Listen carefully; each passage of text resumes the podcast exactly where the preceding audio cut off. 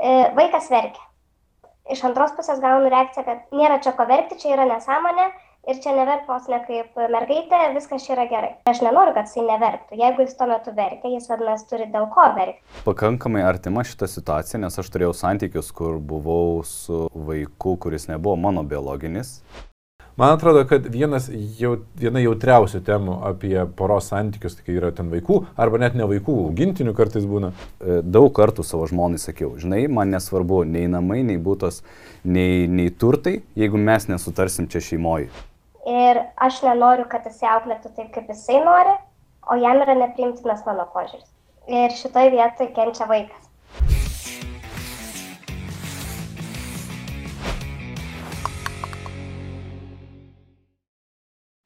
Skiriamės jokauju. Ir vėl su jumis. Mes tą išmoksim būti laidų vedėjais. Um, vėl gyva konsultacija um, su pakeistu balsu ir pakeistu vardu Eglė.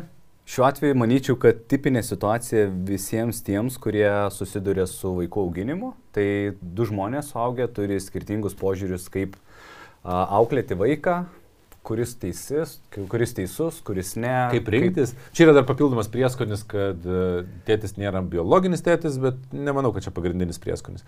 Tai mes labai nemažai aptarėm dalykų uh, ir kaip uh, dorotis su konkurencija tarp vaiko ir tėčio. Jo, arba vaiko ir mamos konkuruoja. Taip. Tai, žodžiu, žiūrim. Šį kartą Eglė pas mus, tai galbūt Eglė pradėk nuo savo klausimą ir istorijos. Labas, Eglė. Sveiki. Galbūt sunku taip labai trumpai apibūdinti, bet e, gyvenam trise.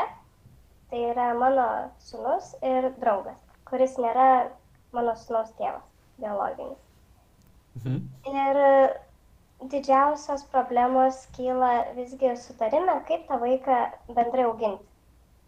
Ir esam tikrai iš labai labai skirtingų šeimų, labai skirtingai auklėti bet e, noras yra, kad abu galėtumėm dalyvauti auginime lygiavertiškai, bet per daug yra nesutapimų ir nuomonių išsiskirimų, kaip tą reikėtų daryti.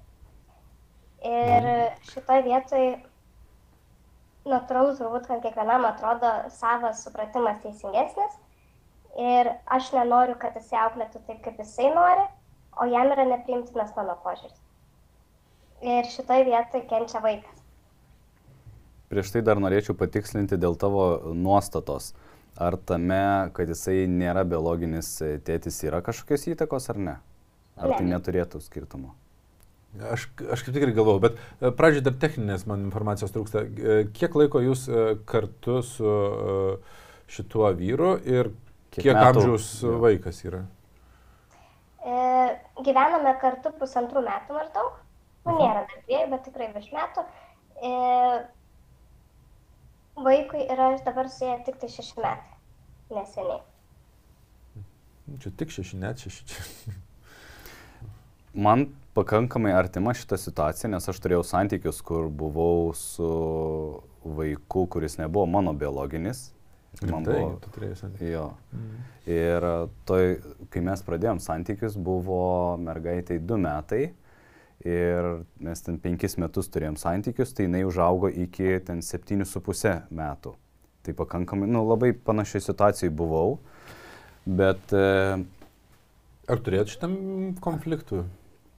Nu, ir taip ir ne, bet galbūt pradėsiu nuo nuostatų. Pavyzdžiui, mano nuostata buvo, jeigu aš e, irgi, sakykime, tikslas arba noras yra, kad auklėtumėm abudu, nu, nes tai šeimos darinys yra, kad vaikas matytų, kad abudu priminėja sprendimus, bet labai nebuvo jokio tokio konflikto, nei karto, net didžiausiose barniuose neišlindo čia biologinis, nebiologinis e, tėtis, dėl to aš manau, kad jeigu yra konfliktai šeimose arba nėra, tai jie yra identiški, ar yra biologinis ar ne. Nes šitie skirtumai požiūrio į pasaulio nuostatų yra visiškai universalūs kiekvienai šeimai. Taip, mes su Davilė irgi pykstamės, kaip reikia auklėti vaikus. Taip. Tai, tai va, bet mano nuostata buvo tokia, kad, okei, okay, pirmumo teisė yra mamos tarsi, iki tol, kol jinai man duoda, nu... Nes kai nėra biologinis, čia tarsi lyg ir suteikia teisę, bet egliai šiuo atveju, nu, kad jos lyg ir turėtų būti pirmumo teisę nuspręsti. Bet aš manau, kad tai yra jau neligiai vertiško santykio, žinai, Taip. um, indikacija. Ir man klausimas yra toks. Mes, žinai, su Vytautu greičiausiai nenusta, nenusakysim, kuris auklėjimo būdas teisingas ar ne. E, Bet mes galim panalizuoti, o kas vyksta, kai jūs kalbatės ir susipykstate apie vaikų auklėjimą. Ir man atrodo, žinai, aš spėčiau, kad vaikų auklėjimas yra tik viena iš, indika, viena iš vietų arba plotmių, kur jūs susipykstat. Ar jums lengva kitom temam kalbėti e, ir rasti bendrą sprendimą? Ir tik vaikų auklėjimas yra sunki tema, ar ir kitose būna sunku? E, Yra ir kitų temų, kur mums yra sunku, bet šitoje vietoje galbūt net pats vyras įvardyja, kad jeigu nebūtų tų konfliktų dėl vaiko, galbūt viskas būtų geriau ir mūsų tarpusavio santykiuose. Gerai, nu, papasako konkretų gal kažkurį konfliktą, kuris būtų pakankamai nu, įmanomas atskleidimui, žinai, per trumpą laiką. Aš trumpai dar apibendrinsiu tik tai tiek, kad kartais net jaučiu tarp jų tam tikrą konkurenciją. Ir manau, kad didelė problema yra tame, kad man kaip mamai ta meilė vaikui yra, nu, besąlygiška, vadinkime, ne, aš jį moku ir priimti ir suprasti galbūt labiau nereikėtų. Iš vyro pusės gaunasi, kad aš per daug nusileidžiu, aš leidžiuosi manipuliuojama, aš leidžiuosi galbūt išnaudojama, bet aš apskritai esu linkus visą ne tik vaikui, bet ir kitiems žmonėms labiau atsiduoti, padėti, aukotis, o jisai gal yra labiau tiesiog nu, linkęs į egocentriškumą. Ir šitoje vietoje gaunasi, kad toks vaizdas, kad jie nepasidalina mano dėmesio. Ir, nu, kokia, tarkim, visiškai būtinė situacija. Yra televizorius, vienas namuose. Vienas vienintelis ir nori žiūrėti filmuką, tarkim, vaikas ir lygiai taip pat vyras nori žiūrėti, pažiūrėjau, kažkokią filmą. Šitoje vietoje man televizorius yra ne... Aš galiu leisti žiūrėti vaikui ir man tai nekelia jokių emocijų. O vyras nori žiūrėti filmą. Kaip priimti sprendimą? Kuris iš jų turi dar... Bet la, la, labai trukinėja tavo garsas dabar. Bet E, įgarsinsiu situaciją, kad žiūrovai girdėtų. Tai reiškia, yra vienas televiz e, televizorius, abu du nori žiūrėti ir... Vaikas ir... ir, ir Taip, ir tau televizorius nėra toks svarbus, tai tu tiesiog e, prioritetą skiri vaikui, kad jisai žiūrėtų. Tu norėtum, kad prioritetas būtų skirtas, ar ne? O vyras norėtų, kad prioritetas būtų skirtas jam. Tai tada gaunasi įsiskaudinimas, kad kodėl reikia nusileisti vaikui, čia yra tik tai vaikas, čia dabar mes vis tiek jį auginam, tai jisai turėtų labiau mums paklusti, o man šitą vietą vaiko poreikiai yra svarbiau. Jeigu jisai tuo metu nori kažką žiūrėti, aš noriu jam leisti žiūrėti. Mhm. Man atrodo, kad, pavyzdžiui, vyras galėtų gal nueiti įsijungti per kompiuterį, per telefoną arba pakentėti, nes vaikui yra sunkiau tą padaryti. Taip, čia labai įdomu, e, pirmas aspektas, kurį e, sakei, kad atrodo, kad jie čia nepasidalina tavo dėmesio, tai tas yra visiškai aktualu ir porose, kur yra biologinis tėvas. Na, ta prasme, kaip pradžiai pradėjai pasakot, kad aš labiau nusileidžiu, vyras gal ten griežtesnis, tai čia kaip visiškai mūsų sudavilė situaciją pasakotum. Kur aš jai sakau, tai, tai vaikai tai manipuliuoja. tai žinai, nenusileist. Bet e, tai reiškia, kad e, nu, neturėtumėm pa- pagrindo dėti, kad va, čia yra e, santykiai, kurie vėliau prasidėjo. ne? O aš noriu paklausti dar dėl sprendimo dinamikos. Ar vyras ateina, atsisėda, patraukia vaiką ir pradeda žiūrėti ant viršaus, ar jisai priima sprendimą ir tu tiesiog pyksti, ar jisai ir vaikas ateina klausti sprendimo pas tave ir tu nusprendi, kad vaikas ir tada vyras pyksta, nes tavo sprendimas tarsi netitiko jo lūkesčių. Oi, geras klausimas. Per tos pusantrų metų tai yra buvę visos šitos situacijos, kurias išvardinau. O buvo tokia, aš pa, paimsiu pačią, turbūt e, siekim, labiausiai siekiamą. Ar buvo tokia, kada jūs atsisėdat, abu ramiai, pailsėjai ir kalbatės apie tą temą ir bandot nuspręsti, kaip būtų geriausia daryti? Esam bent jau bandę. Mhm. Tai šitoje vietoje tikrai, jeigu, nu, kaip sakote, abu du pailsėję, viskas tvarkoj, tai dažniausiai net ir nebūna problemos, tarkim, įsijungti per kitą įrenginį tą norimą laidą, filmą ar kažką. Bingo. A, Bet ar jūs Mhm. O tam sąmoningam pokalbį, aš pavadinsiu sąmoningų pokalbį, tokio, kai abu esat pailsėję ir nėra instinktyvių grėsmių kažkokių, e, tuo metu ar jūs bandot sukurti algoritmą arba planą, kaip jūs elgsitės tada, kai būsit pavargę? Ne. Mhm. Tai um, kaip galėtum spėti, čia būtų vienas pagrindinių mano patarimų. Žmonės, kai būna pailsėję, galvoja, problemos nebėra, nes mes pailsėję ir tai aš galiu įjungti ir per tam planšetę telefoną ar dar kažkur, vaikas gali žiūrėti, viskas tvarkoja. Bet mes būtent tada, kai esam sąmoningi, kai būnam negrėsmėje kažkokioje neinstinktyviose reakcijose, galim spręsti ateities grėsmės, kurias žinom, kur kartojas, jau sakai, ne vienus metus čia kartojas, ar nu, ne vieną mėnesį kartojas. Tai mum, mes turim galimybę jas spręsti iš karto nutardami, kas bus, kai tu grįši pavargęs, vaikas bus irzlus. Nes aš net nemanau, kad šitoje situacijoje yra vienas sprendimas, kuris yra, nu, ten vienas algoritmas, kad taip pat yra ir viskas. Nes labai priklauso, kokioje situacijoje yra vaikas ir um, kiek jis yra pavargęs irzlus. Um, Bet žiūrėk, jeigu tėvas ir... į hipotetiniai metus, tai kai tu esi e, psichologiškai ir fiziologiškai galbūt nuvargus, tai tu būtum linkus pasiduoti ir vaikas lai laimi, kai pailsėsi, tada teisi, tai nežinau, žiūrės. Jisai tuo atveju, instinktų ligmenį, kaip psichologiškai ir fiziologiškai nuvargęs, jisai sako, ne, man čia aš turiu pailsėti, pažiūrėti telikė ir tu palauk. Tai reiškia, jisai bando dominuoti toj situacijai. Ir dabar noriu paklausti tavęs. Tai vad jūs įsivaizduok, šnekat sąmoningai, kaip bandysit ateityje, kokį pasiūlymą turi vyrui, kaip spręsti tokią situaciją, kai vienas arba kitas yra nuvargęs ir, ir instinktų lygmenį. Kokios mintys? Tai manau, kad reikėtų pradėti nuo to, kad jeigu sugebėtų įvardinti, kad šiuo momentu aš esu nepatenkinęs savo kažkokiu poreikiu ir man yra negerai, aš galbūt galėčiau tada ir vaiką bandyti kažkaip, nu, rasti vaiko alternatyvų. Mhm.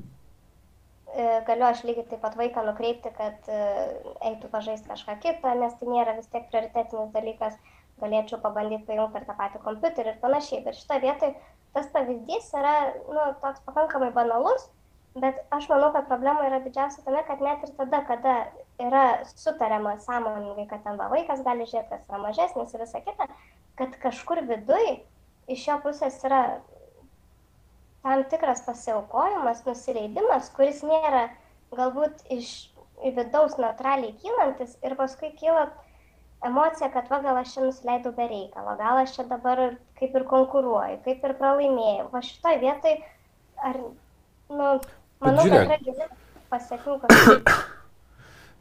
Du dalykus pasakysiu iš karto. Vienas, e, jeigu yra tikrai sąmoningas susitarimas, jį bus lengviau vykdyti, bet e, dažnu atveju jis yra nesąmoningas. Ir, pavyzdžiui, tavo siūlymas, jis greičiausiai būtų nepakankamai e, konstruktyvus, todėl kad žmogus, kai jis yra pavargęs ir instinktyvus, jis jaučia kažkokią grėsmę, jis greičiausiai negebės įvardinti, kad aš esu pavargęs ir man reikia pažiūrėti. Tu turėsi identifikuoti iš jo elgsenos, uh, ne e, sąmoningo pokalbio pradžios, kad aš esu pavargęs ir dabar leiskime man pažiūrėti, o ne vaikui. Nu, kaip pavyzdžiui, mes žinom, kad vaikas, ypač tokio amžiaus šešių metų, greičiausiai labai retai bus sąmoningas ir leis pasirinkti, nu, nes jisai visą laiką tiesiog norės užimti galios poziciją ir, ir norėti uh, žiūrėti. Žinai. Tai čia viena pusė. Antra pusė apie konkurenciją. Tai konkurencija egzistuoja visose porose ir čia yra vienas iš didesnių netgi uh, iššūkių, nesvarbu, ar tėtis yra biologinis ar ne. Konkurencija tarp manęs, tarp dovilės dėmesio man ir vaikams, jinai egzistuoja. Ir reikia daug mano samoningumo, kad aš nesupykčiau, arba daug dovilės samoningumo, kad jinai e, paskirstytų tą dėmesį, kad aš identifikuočiau, kad aš jai rūpiu. Ir šitoje vietoje galima padiskutuoti ir pakalbėti apie tai, ar nėra kažkokių, žinai, um, indikacijų jam, kad vis dėlto nu, jisai yra nepakankamai reikalingas šeimoje, nepakankamai laukiamas, nepakankamai vertingas šeimoje. Kas sutirština tada spalvas, žiūrint tel, nu, ten televizoriaus klausimą ar kituose klausimuose, kai vyksta konkurencija. Aš tai siūlau dar pabaigti tą pirmą etapą, nes pirmas etapas yra trum, nu, trumpalaikis vaistas e, situacijoms labai panašioms. Jo. Tai jeigu jūs abu esat pavargę arba vienas yra pavargęs, kokiu turėtum patarimų, kaip susitarti nu, šeimom, ką daryti, kai prasideda tokia konkurencija ne, netipinė?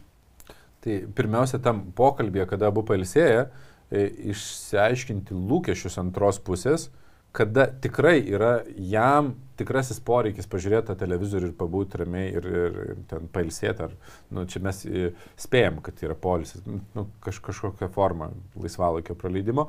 Uh, tada identifikuoti, kada vaikui ir pažiūrėti, kur yra tikrasis konfliktas. Ir konfliktas gal yra labai retuose laikuose, nes dažnu atveju gal ten net nėra labai svarbu ir ten žino, kad uh, darbo dienom ten tegu vaikas žiūri, man ten nėra svarbu, man labai svarbu savaitgalis, tai ten kai gal sporto varžybos. Nu, aš vėl spėlioju čia hipotetiškai. Nu, ir tada išsiaiškinau, kad kai sporto varžybos, tai uh, aš žinau, kad yra, uh, bus televizoriaus prioritetas uh, vyrui, tėčiui, o kai yra ten darbo dienų vakarai, tai bus prioritetas vaikui. Ir tada pabandyti apsitarti, o kada yra momentai, kuriuose būna, nu, nu tas nesąmoninga, toks, žinai, e, bandymas parodyti gali ir ten konkuruoti su, e, su vaiku ir, ir kaip identifikuoti vėl. Jeigu matau, kad, nu, pavyzdžiui, jeigu matysiu, kad tu grįžai labai pavargęs ir tikrai nori, panašu, kad tau reikia polsio ir tą identifikuoja, ten, nežinau, e, kad grįžęs. Eisena, tonas, bet kas. Jo matau, kad drizlus, tai aš pasistengsiu leisti tau ten televizorių žiūrėti.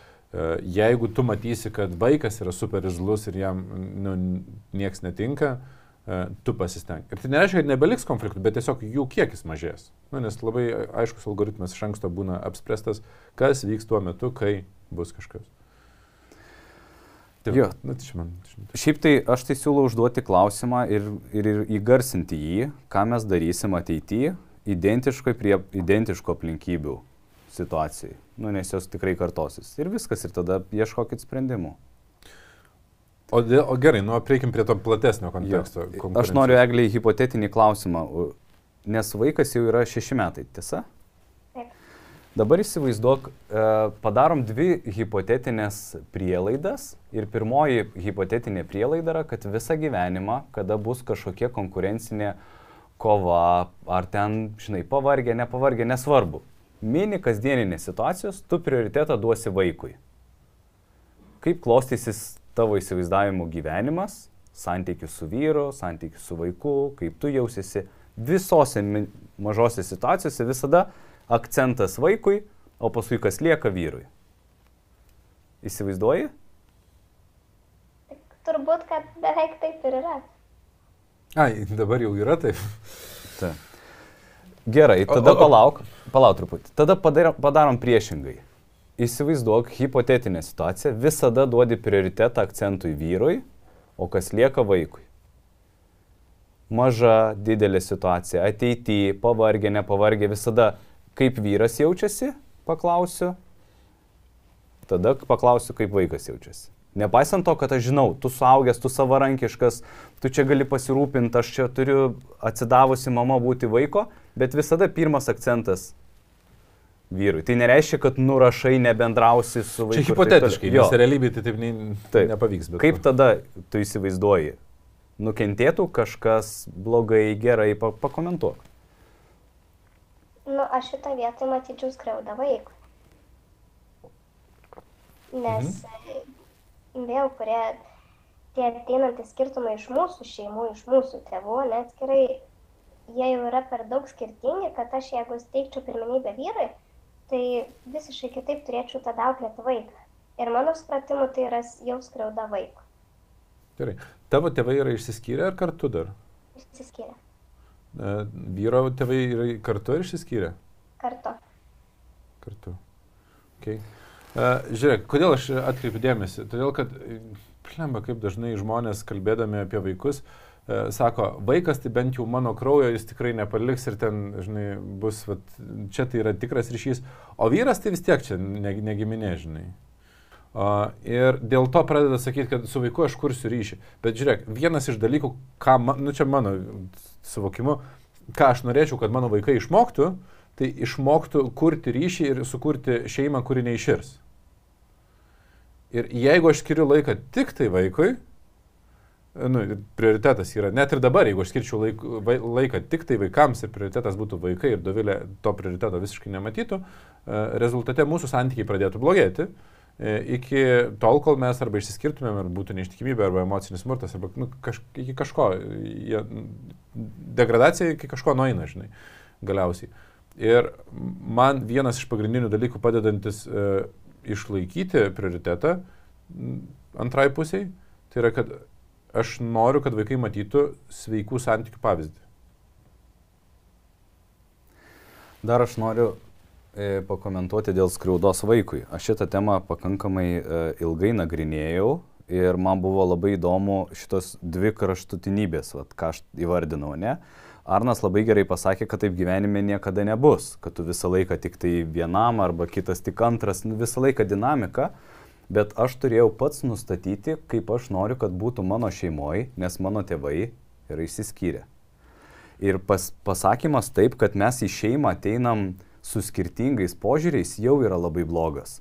Reiškia, tu backgroundą turi, aš backgroundą turiu. Ir ką mes dabar darysim? Bandysim žiūrėti, kiek tu laimi, kiek aš laimiu. Man daug yra lengviau kurti santykius, kai mes turim abu du nuostatą, kad mes ateinam balti popieriaus lapai, uždarom tai, kas buvo ir mes žiūrim, koks mano sprendimas ir vidinė nuostata, taisyklė suteikia mums daugiau privalumų arba daugiau trūkumų, kaip ilgalaikiai šeimai, kaip santykių su vaiku ir taip toliau. Aš labai rekomenduočiau kiekvienam iš jūsų tyrinėti praeitį, bet jos neatsinešti ant stalo šeimoje. Nes, nu, tai be galo sudėtinga nukonkuruoti, žinai, Tai kaip vyras gali jaustis iš vis vyru, turinčius teisę spręsti, jeigu tu sakai tokį, žinai, kozerį. Vat pas mus šeimoje buvo taip. Nublemba. Tai ką aš dabar turiu ta, ignoruoti tavo šeimą, pykti su tavo šeima tradicijom? Ne. Ar savo šeimą ignoruoti? Taip. Nu, ta prasme, nes čia yra dabar rinkis, arba, arba kaip pas mane, arba pas tave blogai buvo. Žinai. Taip. Bet nes, jeigu jūs abu... Nėra teisingas nei tas, nei tas Taip. modelis tikriausiai. Nu, ta prasme, nes... Tai Va, tai ką aš noriu. Bet jeigu abu du sakot, mes neturim, mes kuriam savo šeimos taisyklės, konstituciją, baudžiamąjį kodeksą, civilinį kodeksą, viską, tada yra lengva diskutuoti. Ir dabar, kodėl aš šneku apie tai, nes aš turėjau nuspręsti, kaip aš mąstysiu ir kursiu visus šitus dalykus savo šeimoje. Ir aš galvoju, kad jeigu aš siekčiau visada akcentą dėti žmonai, o tik tada vaikui, man atrodo, Ir mane kažkada terapeutas ir kvestionavo. Sako, ar tikrai vaikas nusimins? Kur yra skriauda vaikui, kad tu visada įdėsi maisto pirmiau žmonai, o tik tada vaikui? Kur, kur tikroji skriauda vaikui, kai tu pirmiau paklausi grįžę žmo, e, namo, kaip jaučiasi žmona ir duosi bučkį, ir tik tada vaikui? Nes dažniausiai būna atvirkščiai kas pasitinka, ka, kur akcentą, kaip vaikai. Tai nereiškia, kad vaikas susimušė, jis verkia ir tu ignoras vaikui, o žmona gerai dabar? Ne, tai tu tą akimirką sprendi, bet kai yra neutrali, sako, tai vaikas blogiausia, ką išmoks, kad akcentas yra antrai pusiai, o jisai turi palaukti. Tai spėk, ką jisai darys ateityje jis kur santykius, kur akcentas yra antra pusė, o vaikai yra antram prioritetė. Tai nereiškia visiškai, kad tu mažini. Žinai, bet čia turbūt į um, kontekstą įeina tai, kad uh, vyras yra nebiologinis tėtis. Nes aš manau, kad ne paskutinė, uh, ne paskutinį vaidmenį vaidina kalties jausmas, kad uh, nu, biologinio tėčio nėra šalia. Aš nežinau, čia jau spekulacija ir spėju, žinai. Bet tas noras tada būti uh, kai, kai yra išsiskyrusi šeima, noras būti geresnė mama, jo, viso, e, geresniu tėčiu uh, ir netgi konkuruoti savotiškai su tėčiu, kuris yra, nežinau, yra tėtis vaiko. Bet labai mažai dalyvauja vaiko gyvenime. Ja.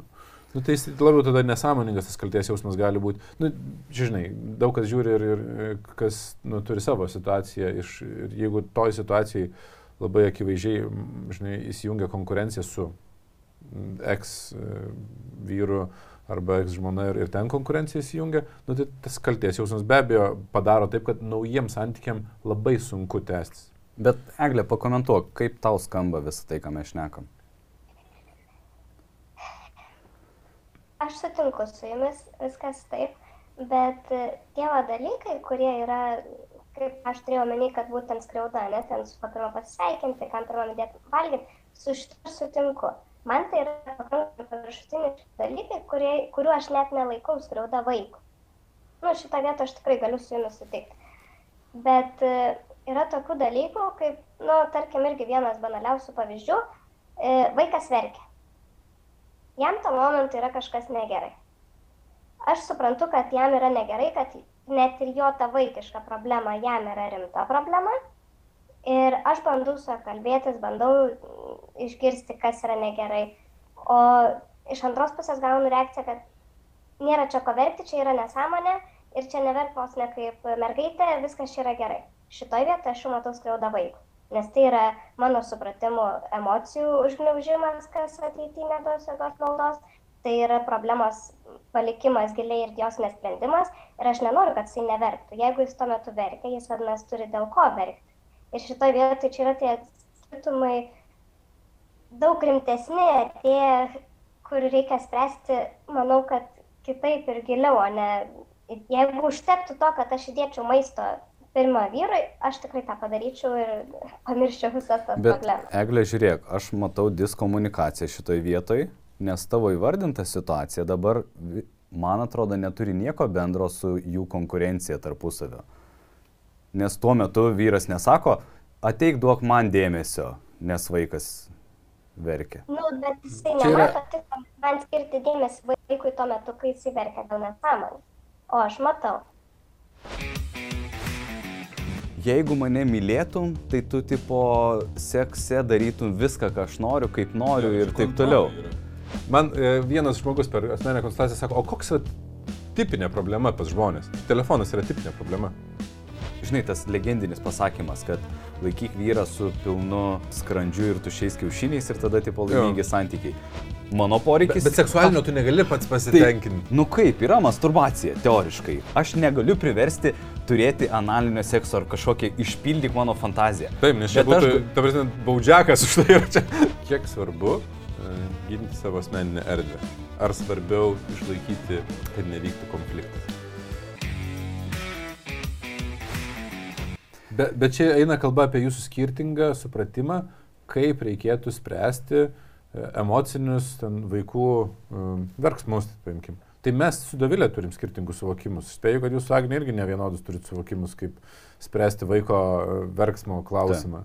Ir kiek dėmesio skirti, ir kada skirti, ir, ir ar bausti, ar nebausti, ar ten... Uh, Nu gerai, tai man atrodo, čia yra tiesiog įsivaizduokim, nu įvardinkim problemą. Problema yra skirtingas požiūris, taip kaip nuraminti vaiką, dėl, kai jisai verkia dėl smulkmenos. Nu, jam atrodo smulkmena, tau irgi gali atrodyti smulkmena, bet tai yra reikšminga ir tu nori ją išspręsti, kad neužgneušti emocijų.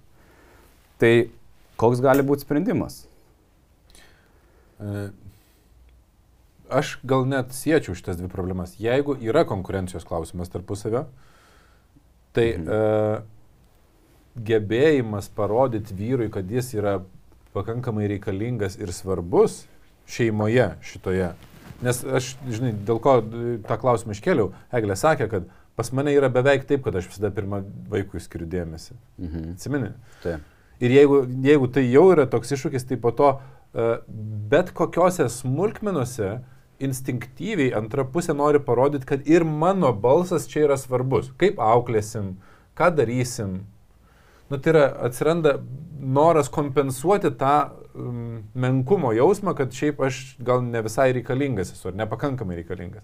Tai jeigu sprendžiant šitą problemą galimai e, lengviau būtų sutarti tokiuose sąmoningose pokalbiuose, kad kažkuriuose vietose mes sutarėm, kad nesutarėm. Sutarėm, kad mano būdas yra toks, tavo būdas yra toks, vaikam yra, tarp kitko, šį yra įdomus dalykas, ku- kurį aš kažkada priemiau ir galvoju, jo, vaikam yra gerai matyti skirtingus būdus, kaip suaugęs žmogus reaguoja į, nu, galų galę jo verksmą.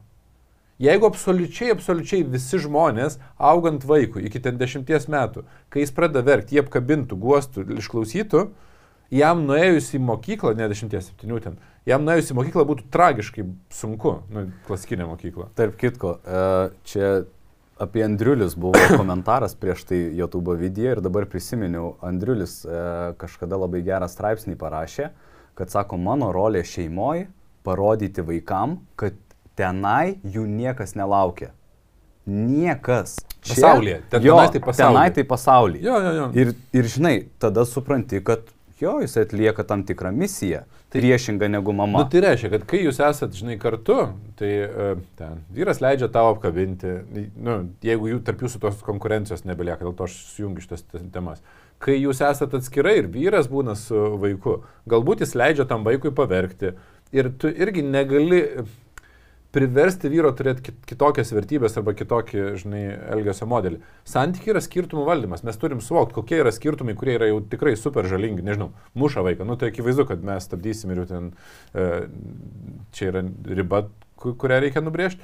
Bet jeigu tai yra tiesiog skirtingas suvokimas, tai ne, aš nemanau, kad tai vaikui e, super žalinga, tai yra labiau gebėjimas priimti kito žmogaus kitokį būdą auklėti. Ir e, tarpusavį jūs e, per tą pusantrų metų nu, tikrai negalėjot išmokti vienas kitą priimti nu, šimtų procentų. O beje, jūs e, ėjot kur nors, ne gal ne jūs kartu, o galbūt e, tu individualiai, kokius nors santykių kursus, kur apskritai kažką... Ne, bet norėčiau, tik laiko vis pritrūksta. Supratau. Nes, nes čia eina kalba apie gebėjimą išmokti sukurti ryšį ir pasitikėjimą tarpusą ir priimti vienas kito skirtumus. Jūs būsite skirtingi. Taip. Ir tada vėlgi sąmoningose pokalbiuose išmokti uh, sutarti, kas bus, kai, kai vaikas tik su tavim problemos nėra, kai vaikas tik su vyru.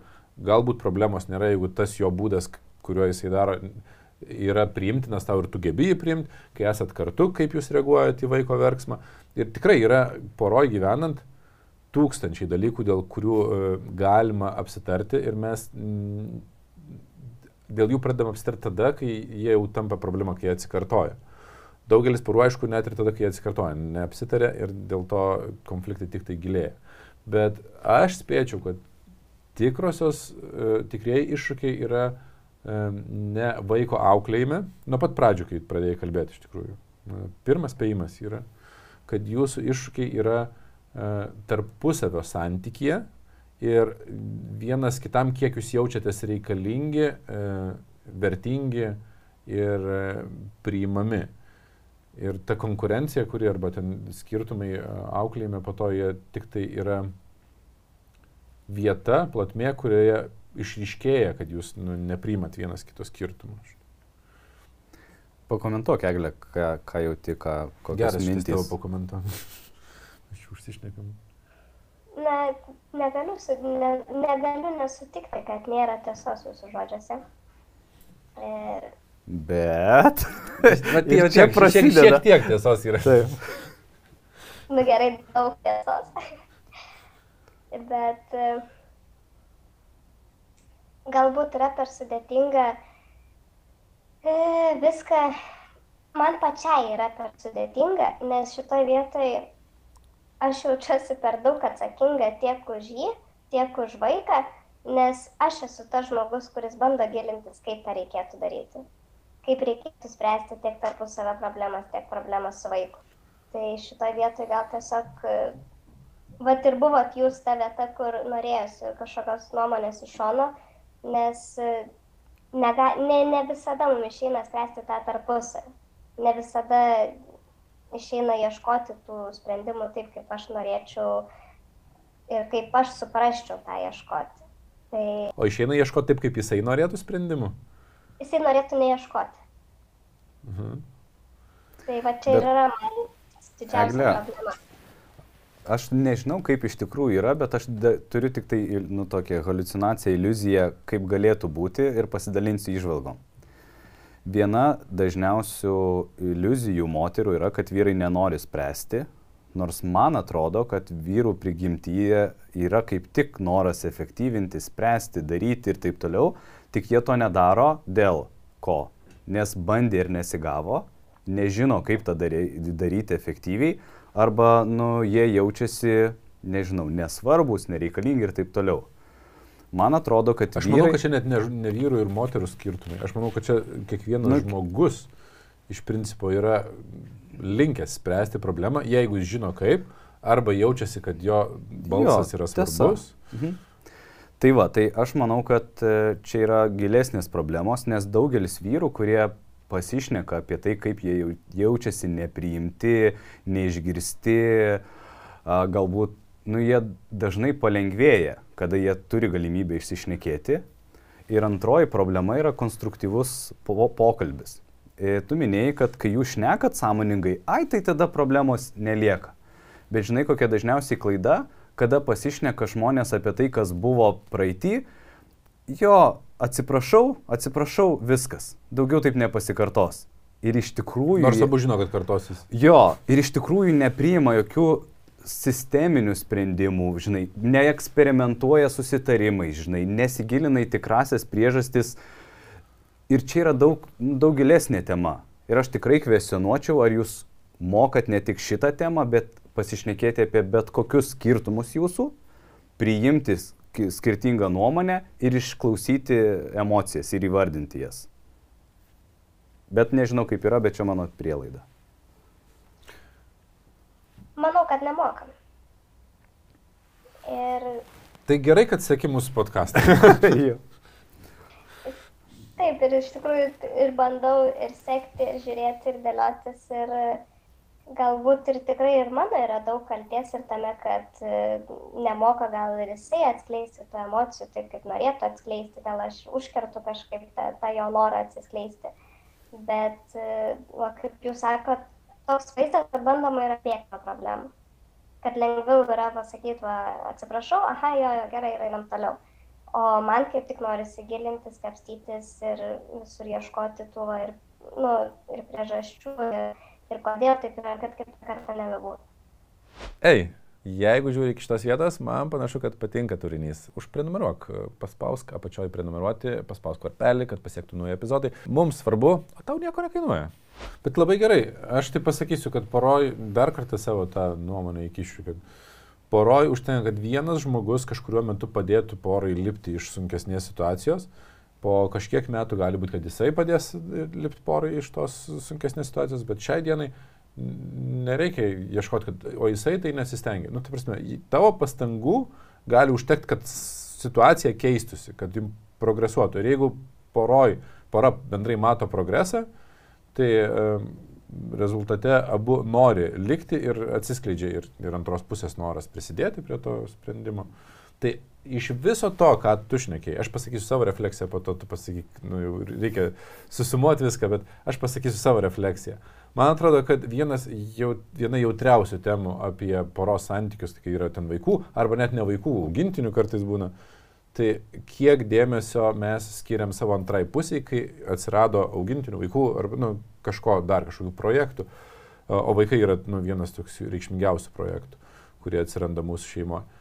Tai jeigu e, daugiau savistabos bus šitoj vietoje ir aiškiau išgirsi, kur jam yra svarbu būti pamatytam, pastebėtam, svarbiam, manau, kad jau palengvės e, poros santykis. Ir e, čia eina kalba ne apie kažkokį, žinai, bandymą įtikti ir ten pamiršti vaiką, eina kalba apie išgirsti, kokie yra tikrieji jo poreikiai, kokie yra tikrieji vaiko poreikiai. Aš taip, e, mano tokia refleksija yra dėl akcento, kad, pavyzdžiui, mes turim dabar nu, mažą vaiką, dar metų nėra ir aš suprantu, kad tikrai negali būti mano poreikiai prioritetu. Ir e, aš turiu tokią iliuziją, nu, su, suvokimą, kad mes einam link to, kad prioritetų būtų antra pusė ir tik tada vaikas, bet tas turi būti labai palaipsniui, sąmoningai ir taip toliau. Ir daug atvejų tas nesigaus. Bet tai yra kryptis, vektorius, link ko mes einam, siekiam ir šnekam. Ir man vienas liūdniausių dalykų yra tai, kada mes sąmoningą pokalbį, kursus, investavimą į, į terapijas nukeliam į dešimtą prioritetą. Dabar yra svarbiau, ten nežinau, mašina, atostogos, e, dar kažkas, jeigu kalbėti apie pinigus ir, ir, ir laiką, kur mes skiriam. Ir aš sakau, e, daug kartų savo žmonai sakiau, žinai, man nesvarbu nei namai, nei būtos, nei, nei turtai, jeigu mes nesutarsim čia šeimoje. Sakau, man ten tikrai nueis į kitą Taip, prioritetą. Bet taip ir yra. Čia tas pats kaip pirkti automobilį ir sakyti, neturiu pinigų, aš mokytis teisiu, man tiesiog Taip, reikia automobilio. kursai 400 ar ten terapija 2000 per brangu. Tikrai, tikrai. tai, Jo. tai va, tai mano tokia rekomendacija. ką, ką O, o tavo išsinešė? refleksija, ką tu Taip. išsineši? Ja. Aš esu pasimetus dalinai. Nes, Confused čia yra labai gera būsena, tarp kitko. taip. Tai tikrai yra apie ką pagalvoti. Yra vietų, kur turėčiau pati su savim susitvarkyti pirmiausia ir galbūt pati nebūtų tokia kategoriška.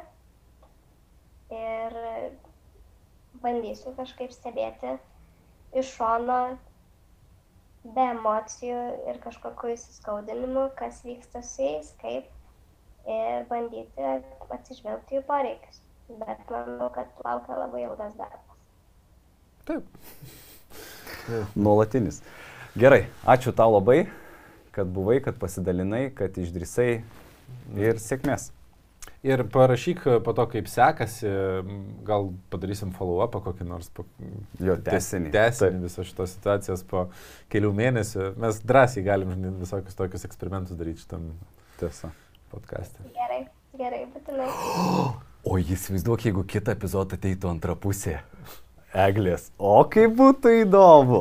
Nu, pak- pakalbink, gal nori ateiti. Jo. Nu, reikia pabandyti. Žiūrėk, net ir tau būtų įdomu šitą išklausyti, ką jisai, e, žodžiu. Nu gerai, tai pasiūlyk, jeigu ką, jeigu drąsus išdrys. Gut, tai ačiū tau ir iki. Ačiū. Iki. Čia tokia plati tema, tiek daug galima apkalbėti. Ir mes stengiamės, žinai, bent jau aš labai asmeniškai stengiuosi kalbėti apie eglės atsakomybę šitoje situacijoje. Mhm. Ne todėl, kad vyras visą laiką teisingai elgesi, aš Taip. išvelgiu ir kas tenais yra. Bet tiesiog, e, jeigu mes kalbėsim apie vyro e, net, neteisingą elgesį arba netinkamą, um, yra didelis pavojus, kad uh, sakys, va, jis neteisus, nu, jis netinkamas ir, ir mes nespręsim, nes jinai neturi įtakos jo elgsenai. Jis turi Taip. įtakos savo elgsenai ir, žinai, dėl to analizuojam. Ir Ir visi blogiausia, kad visi šitie pokyčiai, ką gali imtis eglė ir daryti, jie nebūtinai gali būti bagražinant į situaciją. Visokių reakcijų gali būti, mes nežinom konteksto. Tai dėl to labai nu, svarbu, kad jinai imtųsi analizuoti tas situacijas ir anksčiau ir vėliau jos vis tiek duos, um, jos nesibaigs niekada. Tai Mhm. tokių situacijų bus visą laiką, bet jinai duos konstruktyvų prieimą prie dialogo. O ar tie dialogai prives prie sprendimų? Čia jau nėra. Bet, žinai, kadangi čia yra toks labai kompleksinis, tikrai kompleksinis iššūkis šeimoje, tai aš įsivaizduoju, kad mes pasiekėm vieną iš geriausių tikslų, koks gali būti. Todėl, kad, na, nu, aš įsivaizduoju, nes nežinau, ar, ar taip yra Mhm. iš tiesų, žinai, ar tik tai žodžiai. Nes e, mes negalim išspręsti per pusvalandį, nu, tai prasme, išmokinti visko, kaip, kaip Taip. ką daryti. Uh, ką mes žinom ir net neaišku, ar mūsų visos žinios padėtų, žinai. Bet e, ką mes galim padaryti, tai sukelti pradžią kažkokią, žinai, inicijuoti kažkokį pokytį. Ir kai jinai sako, aš esu pasimetusi, Mm. Tai pasimetimas yra viena geriausių emocijų, nes jinai rodo, kad tai, kuo aš tikėjau, e, yra šiek tiek paveikta dabar ir aš ne, Nebūtinai yra tiesa. jo, aš ne visai žinau, ar tai, kuo aš tikėjau, yra tiesa. Ir kaip naujai elgtis, aš irgi dar ne, nežinau, Taip. bet tai reiškia, Maždaug čia taip, žinai, palauk, tai čia ne visiškai pilna. Tai Taip. dabar, žinai, gali... kad dabar galima, gali- žinai, ieškoti atsakymo. Ir tada, kai pradeda ieškoti atsakymo, tai e, galimai suras naujus būdus, kaip elgtis. Galimai suras ir destruktyvių būdų, ga- bet yra tikimybė, kad suras ir tokių, kurie veiks jiems kaip porai. Taip. Tai čia yra vienas iš geriausių dalykų. O pabaigai šitos situacijos labai noriu pasakyti tą testą. Yra toks e, hipotetinis testas. Uh, Kelintoj vietoje jums yra antra pusė, tai kai grįžtat namo, tai šiek tiek minėjai, kai grįžtat namo, pirmiausia pasveikinat su A. Vaikais, B. Augintiniu, C. Antra pusė, žinai, vyru žmona. Vyro ar moteris. Ir žinai, kad dažniausiai žmonės atsako augintiniu, nes pirmas atbėga. Ai, nu, net, nes jis kartais laukia. Net, net ne vaikai, žinai. Taip, taip. Ir, žinai, ir tada klausimas iš kitos pusės, o kaip antra pusė jaučiasi dėl to. Mm. Ar sureikšmina ar ne, nes um, kai, žinai, šuo yra pirmoje vietoje ir katė yra pirmoje vietoje um, prieš tave, tai... Aš kažkada turėjau diskusiją su viena mergina, kuri sakė, kad aš stengiuosi nebūti virtuviai, kažkur mesti darbus ir pasitikti nueiti. Nes čia irgi kitas dalykas yra, žinai, tavo antra pusė grįžta, tu plovi indus, nu ir toliau, žinai, užsiimi.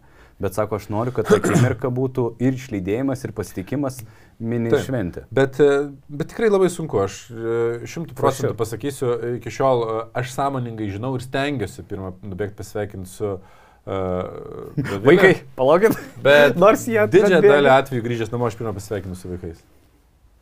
Nes aš neseniai čia grįžau, vat, ši- šią popietę atidarau duris. Uh, o, tė, tėtis ten kažką. Nu, ir Taip, natūraliai už liežuvio niekas atrodo netraukia, bet kaip ir traukia ir pradeda dažnai išnekėti su vaikais. Tai va, tai uh, atkreipkite dėmesį ir antros pusės poreikius, jeigu turite vaikų. Uh, pakomentuokit, kokių klausimų jums kyla, arba užsipildykite anketą, jeigu norite tokios konsultacijos.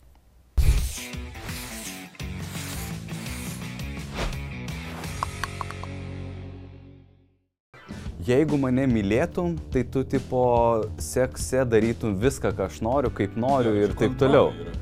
Man e, vienas žmogus per asmeninę konsultaciją sako, o koks yra tipinė problema pas žmonės? Telefonas yra tipinė problema. Žinai, tas legendinis pasakymas, kad laikyk vyrą su pilnu skrandžiu ir tušiais kiaušiniais ir tada tipo laimingi santykiai. Mano Bet, poreikis... bet seksualinio tu negali pats Tai, pasitenkinti. nu kaip, yra masturbacija, teoriškai. Aš negaliu priversti turėti analinio sekso ar kažkokią išpildyk mano fantaziją. Taip, nes čia Bet aš būtų, ga- ta prasme, baudžiakas už tai yra čia. Kiek svarbu e, ginti savo asmeninę erdvę? Ar svarbiau išlaikyti, kad nevyktų konfliktas?